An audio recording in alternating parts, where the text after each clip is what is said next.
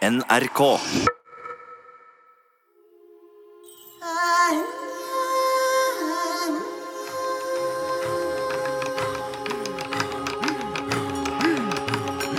Jeg er Apalutok den røde. Nå har de bundet meg med skinnremmer, og jeg flyr av gårde, langt vekk. Hvor har du vært? Jeg har vært hos kongen deres, sier jeg. Jeg er trett. Gi meg litt kjøtt. De gir meg kjøtt og kaldt vann. Og når jeg har spist, forteller jeg det. Kongen er død. Tenke seg til, sier de. Kan kongen dø? Hva kommer nå til å skje med oss? Og kvinnene begynner selvfølgelig å gråte. En skjærende, hvinende, vedvarende gråt. Og slik sørger vi grønlendere over kong Fredrik den 4.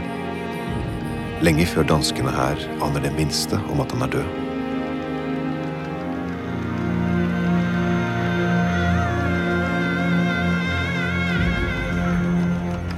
NRK Radioteatret presenterer Rød mann, sort mann av Kim Leine. En dramaserie i åtte episoder.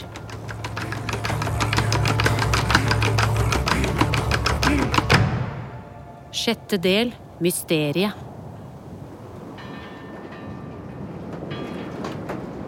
Når Nils mente at jeg kunne finne svaret på hvem mine foreldre er, eller var, med å lese i Gjertrud hans mors skriverier, skjønte jeg ikke annet enn at åndemaneren Apaluttok hadde hatt kjønnslig omgang med henne.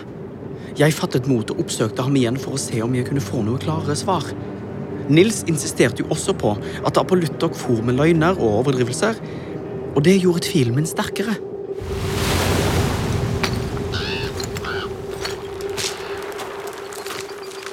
Nå, min prest, kommer du for å døpe meg? Jeg tror ikke du har bekjent meg alle dine synder ennå. Må man bekjenne dem? Jeg trodde det var nok å angre dem. Jo, det kan nok være, men hvordan kan jeg være sikker på at du angrer oppriktig når jeg ikke kjenner syndene dine? Nei, der har du knuten. Papistene har ikke det problemet. Ja, Det må ha vært en annen grunn enn det med Fredrik Kristian. Papa, min sønn. Ja vel, din sønn, men Egede må ha hatt en grunn til ikke å døpe deg. Du tror Egede var en klok mann? Ja, selvfølgelig. Visste du at han trodde han kunne koke gull? Koke gull, det kan du ikke mene. Han forsøkte i årevis og trodde det kunne redde misjonens økonomi. Nei, dette høres svært Spør Nils. Han vet at eksperimentene tok livet av en grønlandsk jente. Ja, jeg skal spørre han. Og det andre du lurer på, Det andre det du egentlig kom for, det må du gå til Fleischer og spørre om. Proviantforvalteren, mener du? Spør han om barnet. Men spør... Ja, det er ingen pen historie. Er du sikker på at du vil høre den? Ja, Det- Jeg har holdt den for meg selv i alle disse årene. men um, Apalutak, han visste at du vet noe. Ja, han vet mangt, han som andre ikke vet, men Ja vel. Jeg kom hit til Pakkhuset på våren 1729.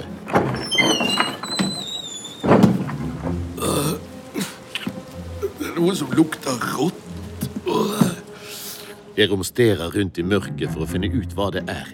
Hvis det ligger fødevarer her og blir dårlige, kan de forderve alt det andre. Der. Der har vi det. Hva i all verden er det? Det er så ekkelt. Jeg tar fatt i en jutesekk og blir klissete på fingrene. En stor, bløt masse. Et barnelik. Det må være en av kjerringene i mannskapshuset som har født i dølgsmål. Nå skal det vel til med prosess og henging. Men den usalige barnemordersken er sikkert allerede død. Jeg skjærer sekken med liket opp.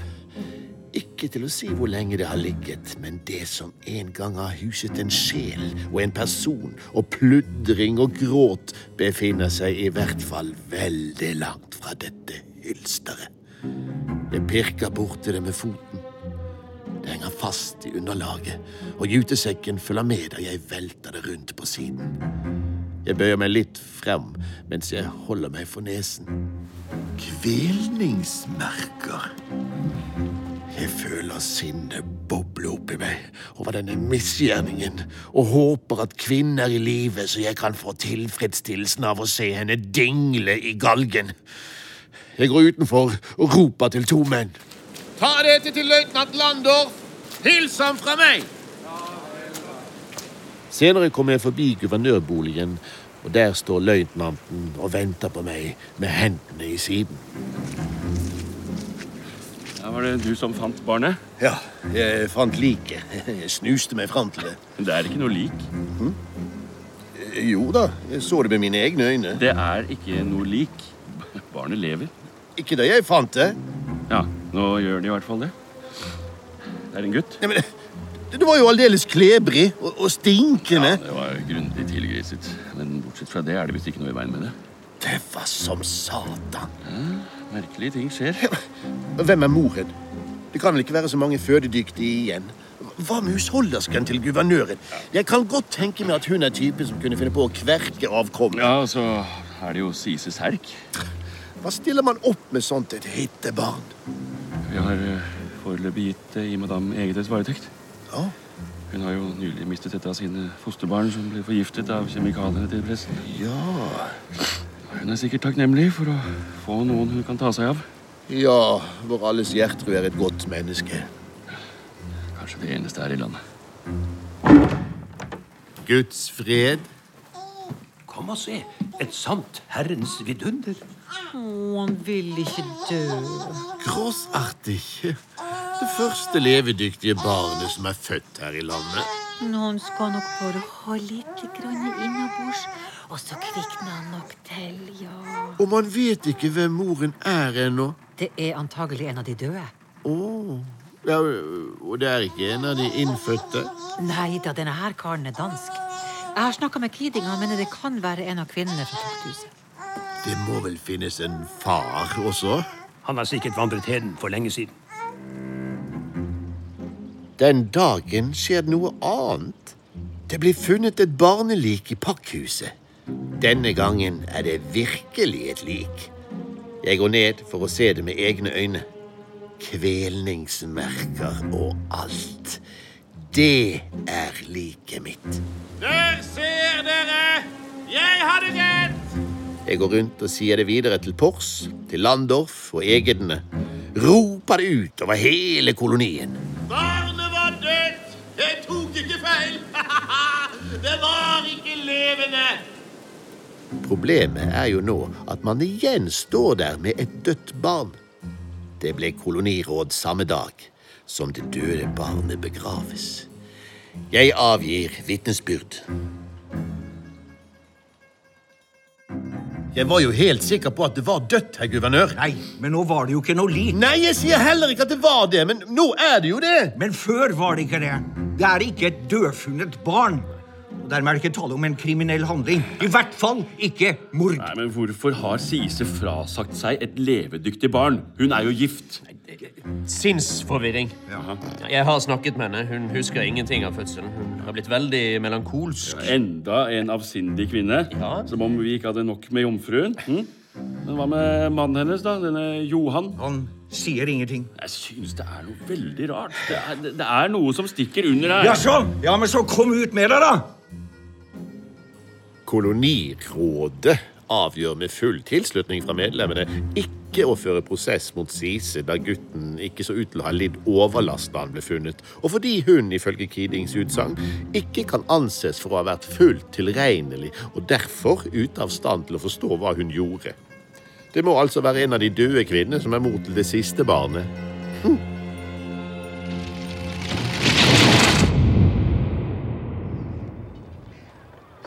Så Sise forsøkte å kvele barnet i fødselen, og så gjemte hun det i pakkhuset, men så reddet hun det? Eller Gjertrud? Ja, slik kan det jo henge sammen. Det ble oppgitt å komme til bunns i saken. Jeg, jeg brydde meg ikke. Men jomfru Tizia hadde vel også født på denne tiden? Jeg er døv på det ene øret, men jeg har koloniens mest fintmerkende nese. Jeg tror nok at jeg har snust meg fram til hvordan denne saken henger sammen. Men det vil jeg ikke si. Men, men, men guvernøren han ville altså ikke ha noen prosess, ikke mot noen. Ja, Kan hende han ikke liker å se en kvinne dingle i galgen. Fleischers ondskapsfullhet, de halvkvedede insinuasjoner om at det var begått et barnedrap som ble dysset ned. Ja, og alt dette med Sise. Jeg skalv. Jeg var kvalm over tankene jeg gjorde meg. Jeg tenkte nå at Kidings journaler måtte kunne kaste lys over saken.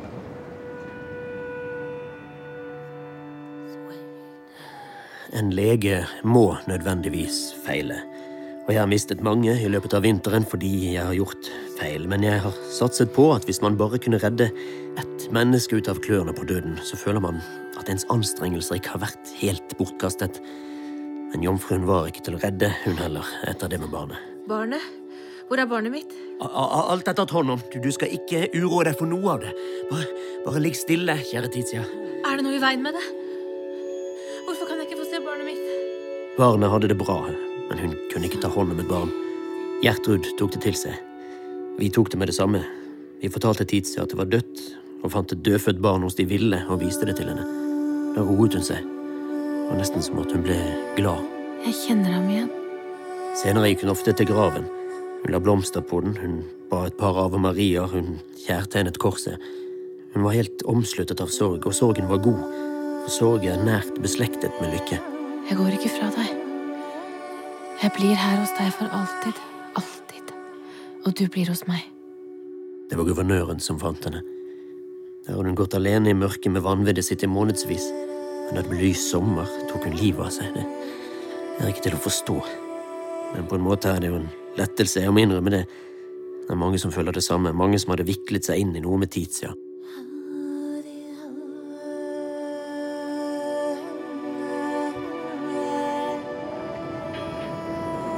Nå begynte hele sammenhengen å gå opp for meg. Men jeg visste knapt hvem jeg kunne stole på lenger. Jeg bestemte meg for å ri over fjellet til Hernhutadalen og tvinge fram sannheten. Nei, nei, nei. nei. Kan vi ikke bare la det Ja, men si, det, det er så lenge siden. Det er som en vond drøm. Vi har hatt det godt. Hvorfor ta opp dette nå? Vi har hatt det godt fordi du var husholderske hos guvernøren. Det var noe i veien med den mannen. Ja, sånn var det vel. Som den lille gutten, mener du? Å, Herren seg nåde. Ja, var, var det du som kverket han? Ha barmhjerte. Eller var det det med det levende barnet de fant nede i pakkhuset? Eller var det guvernøren?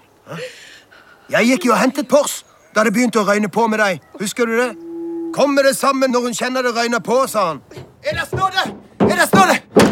Så røyner det visst på med Sise! Ja. Nå endelig så du vekker opp hele kolonien. Jeg har aldri sett guvernøren løpe så fort. Slamret døren rett igjen foran nesen på meg. Hun ville ikke slippe meg inn. Hva drev dere med? Hva drev dere med der inne? Det er et barn! Du fødte barnet, og guvernør Pors var jordmor. Og da jeg endelig fikk komme inn, var barnet dødt. Jeg kunne godt se merkene på halsen. Men hvem som strypte barnet? Hm? Kan du ikke fortelle oss det? Du kan vel hviske det? Det som ikke kan leve, må dø. Han drepte det han elska. Stakkars lille guvernør. Gud se i nåde til oss.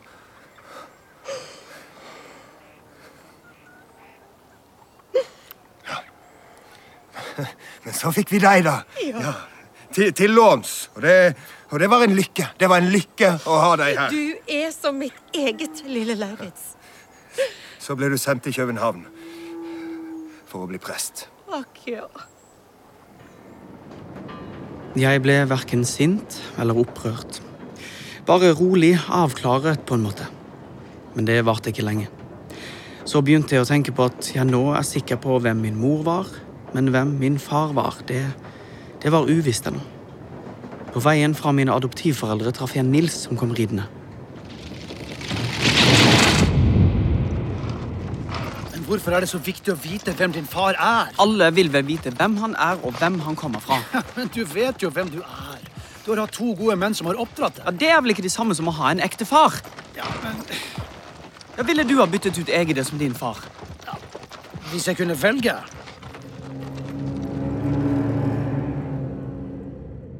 Jeg vil ikke straffe deg. Du har allerede fått din straff. Straffen er å være deg. Jeg hatet ham. Hvor tror du du skal hen? Du blir her! Kyss meg i ræva!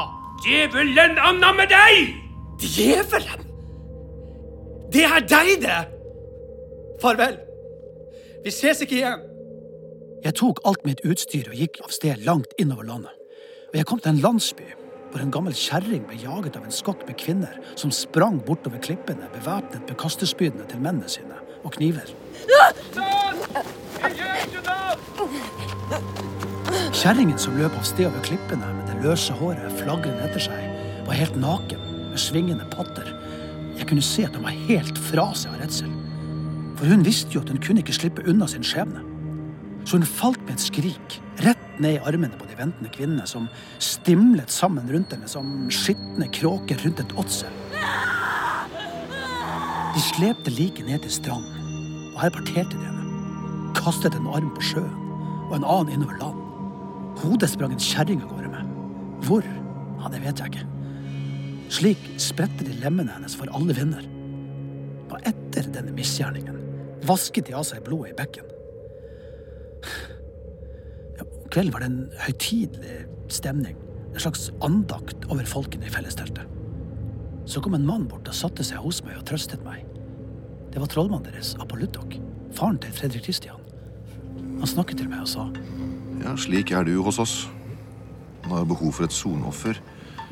Ellers ville man gå nedenom og hjem av alle en innfødts sorger og trengsler som er så tallrike i dette harde landet. Slik gjør jo dere dansker også. i Danmark brenner vi ikke hekser eller tror på hekserier. Det er gammel overtro. Dere straffer da folk som har forbrutt seg mot lovene deres ved å skille hodet fra kroppen. Jo, men Ved å brenne dem på bålet. Ved kakstryking og utrivning av tungen og slike ting. Det har jeg sett selv. Ja. Har du vært i Danmark? Ja. Mange ganger. Når da? Jeg så en kvinne som fikk hogd av hodet med sverd, hvoretter mesteren satte det på en staur og viste det frem for folkemengden. Hun hadde født et barn i dølgsmål, kvalt det og gjemt det bort i en haug med hestemøkk. Det var på skafottet utenfor rådhuset i København. Hvordan kunne du, en villmann, være der? Hvordan kom dere ned til København uten skipsleilighet og hele veien tilbake hit for å fortelle om det? Ja, jeg har som en vært mangt et sted her på jorden. Det er jo det vi gjør, vi åndemanere. Og de neste dagene så fulgtes Apollutok og jeg rundt i landet. Han viste meg et reinsdyrtrekk, og vi satt en hel dag fra morgen til kveld og så på reinsdyrene som løp i flokk. Og vi skjøt ikke et eneste av dem. Ja, vi har jo rikelig med mat, så hvorfor skal vi drepe dem? Og om kvelden lå vi og snakket sammen om all verdens saker og ting. Og jeg snakket en hel del om min far. Det er nok de beste ukene i mitt liv. De mest lærerike. Han fortalte også om sønnen sin, og om smerten ved å ha mistet ham. At det føltes som han var død uten å være død. Og at det var forferdelig å se ham gå rundt i kolonien i danske klær og den dumme, trekantede hatten. Men det var ikke på en bitter måte han fortalte dette. Hvor mange barn har du? Et par gutter, men begge mødrene er døde nå. Jeg er alene og fri, og guttene har jeg ikke noen kontakt med. Da vi gikk hver vår vei etter å ha vært i selskap med hverandre i villmarken i lang tid, hadde jeg fått meg en god kristen venn i Apollutok. Hvem skulle trodd det?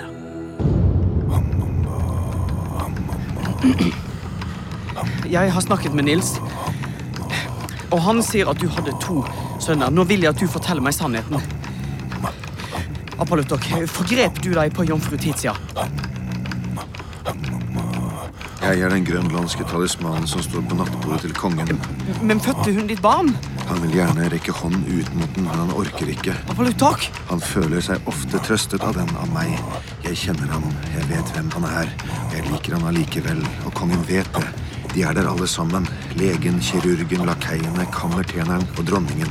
Hun tørker pannen hans og kinnene hans med den fuktige kluten, opprydd med lavendelvann, betrakter han med et uttrykk av tålmodighet. Ingen medynk, og det er han henne takknemlig for. Han gisper etter luft, kjemper fra åndedrag til åndedrag som åretak, Hun holder stadig øye med den lange viseren. Den har stått stille lenge nå. Enda jeg røsket i ham og helte kaldt vann over hodet hans, var han ikke til å rikke ut av transen. Det falt meg inn at han kanskje ville si meg noe om den tiden da kong Fredrik Kristian døde. Jeg slo opp i guvernør Pors sin dagbok, og der sto det at den nye kongen, kong Kristian 2., legger ned kolonien og kaller alle hjem til Danmark. Hele landet har vist seg umulig å overvinne. Det yter passiv motstand. Det er som å slå i en dyne. Kanonkuler og rå makt biter ikke på tåke. Den viker bare til side og samler seg igjen etter en stund. Det er samme historien med de innfødte. Smilende og forekommende. Underdanige. men umulig å holde fast. Tåkemennesker. De kommer aldri til å bli gode danske undersåtter. Det kommer jeg til å si til kong Kristian. Det kommer ikke til å bli noe nytt imperium Dania. Jeg kommer ikke til å bli senator. Ikke engang kansellirådet. Jeg kommer til å vende tilbake til gården på Jylland. Humpende på ei kjerre. Akkurat som far. Da han hadde solgt den ene kua og geitene og kom hjem igjen fra landsbyen. Jeg er min far. Grønland var det speilet som ble holdt opp foran meg. Og ikke bare viste meg min far, men gjorde meg til ham. Jeg ble fascinert av hele opplevelsen av nederlaget. Var det flere som følte det på samme måte? Jeg sjekket Keedings journaler. Alt det jeg har drevet med de siste tre årene, har i beste fall vært nytteløst, men mest sannsynlig gjort mer skade enn gagn. Jeg har enkelt og greit drept folk med kaldt blod. Ikke engang Tizia kunne jeg hjelpe. Jeg gjorde ganske visst alt jeg kunne for henne. Kalde bad, koppsettinger, igler, årelatinger, urter og medisin til ingen nytte. Jeg har vært meget syk selv. Døden pustet meg rett i fjeset, og jeg så en sannhet i dødsgapet.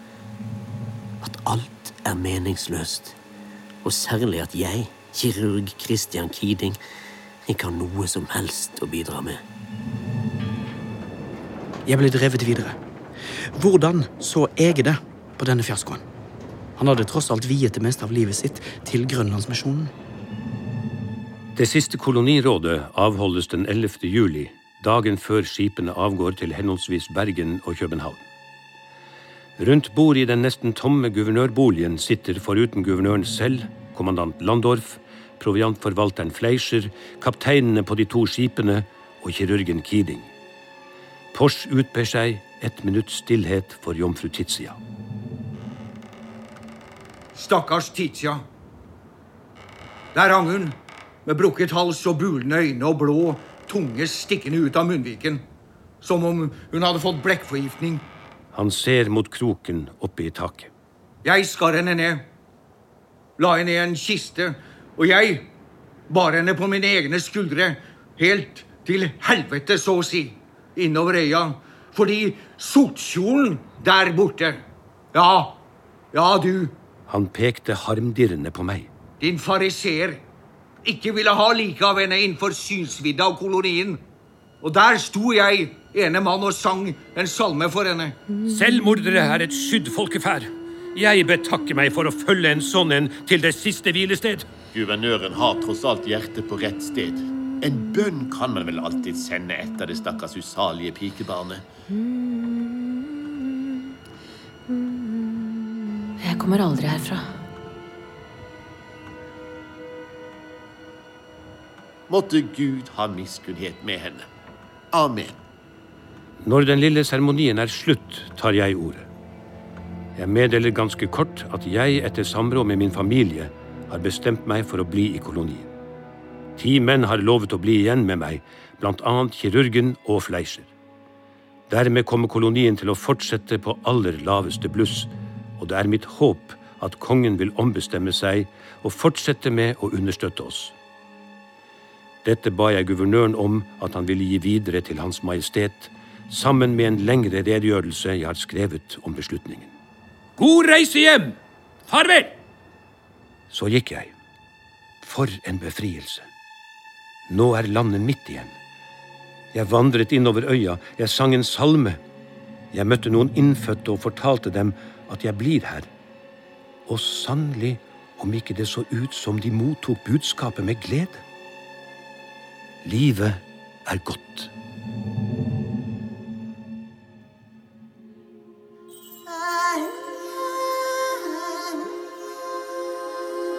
Apalutok. Jeg er i kolonien. Jeg venter på vinteren. Det er nå i vinter det skal skje. Det er ikke skjebnen eller Gud som har bestemt at det skal være slik. Jeg har bestemt det. Jeg er Apalutok.